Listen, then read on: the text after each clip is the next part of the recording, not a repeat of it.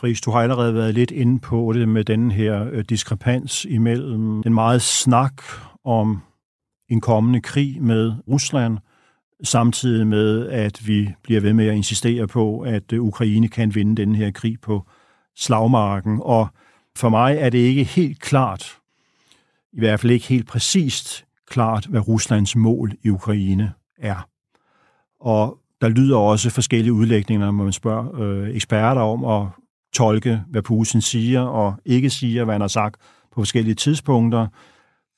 Men det er som om, at på Sikkerhedskonferencen i München, så dominerer den her opfattelse, at Putin ikke vil stoppe med Ukraine, hvis det lykkes ham at få en sejr her. Og i så fald, så kan vi se frem til et russisk angreb på et NATO-land inden for få år.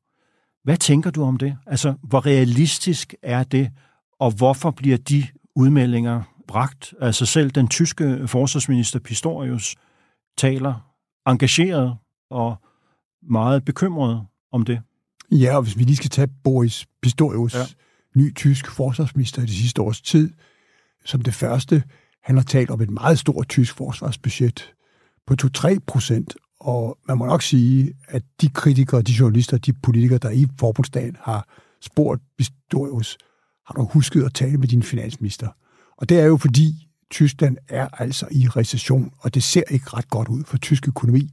Når det ikke ser godt ud for tysk økonomi, og når Storbritannien, en anden af Europas største økonomier, også er i recession, og Frankrig og Italien har meget, meget, meget lav vækst, og der kommer valg, jamen så er det her ikke økonomisk muligt at forestille sig, at Tyskland kan omfordele inden for et nulsumsspil, som et negativt vækstscenarie er, fra andre områder, hvad enten det er klima, digitalisering, sociale spørgsmål, øh, sundhed, uddannelse. Og derfor er det jo ikke realistisk for en regering, der ligger på 32 procent i meningsmålingerne, af et valgresultat for få år siden, hvor de fik 52 procent af stemmerne. Ja. Altså, den manglende politisk realisme i Boris Pistorius' vækstforudsigelse for tysk militær, tror jeg derfor er meget alvorlig. Ja, det, det lyder nemlig som om, at øh, det er bare et spørgsmål om at træffe beslutningen.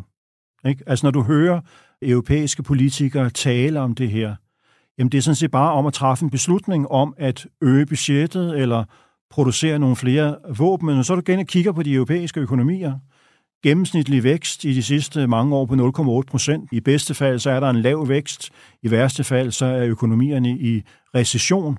Og så må man se på den industrikapacitet, øh, vi har, og som vi skal til at øh, udvikle for at producere våben.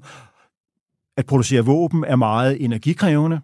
Vores energipriser er blevet meget, meget højere i de sidste par år, så man sidder og tænker lidt, altså, Øh, sag selv Storbritannien, de bruger mange, mange flere penge på forsvaret, end Tyskland gør. Ja. Men vi ser for eksempel i Rødehavet, det Røde Hav, undskyld, når der er britiske krigsskibe ude, at øh, de ikke rigtig har øh, ressourcer.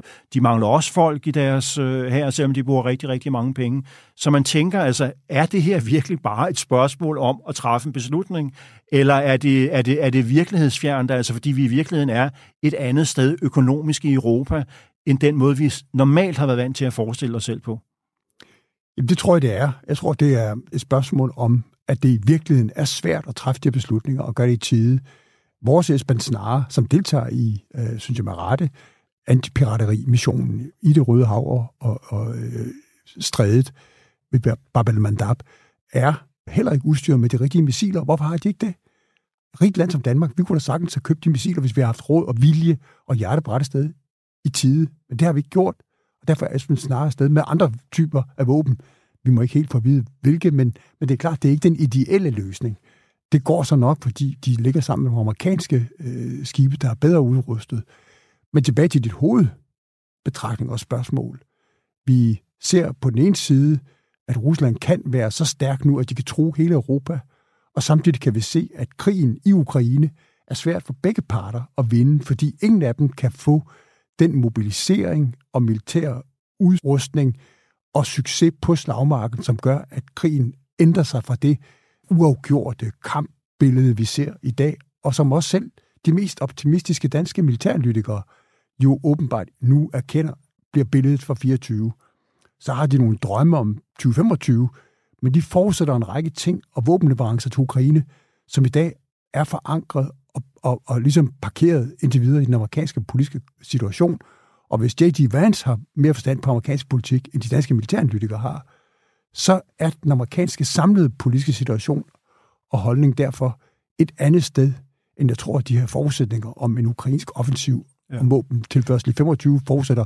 Men vi kan jo ikke have både den opfattelse, at vi kan slå Rusland i Ukraine, når vi får enighed og leverancedygtighed til at levere de nu efterhånden lang tid savnede våben i Ukraine og på slagmarken.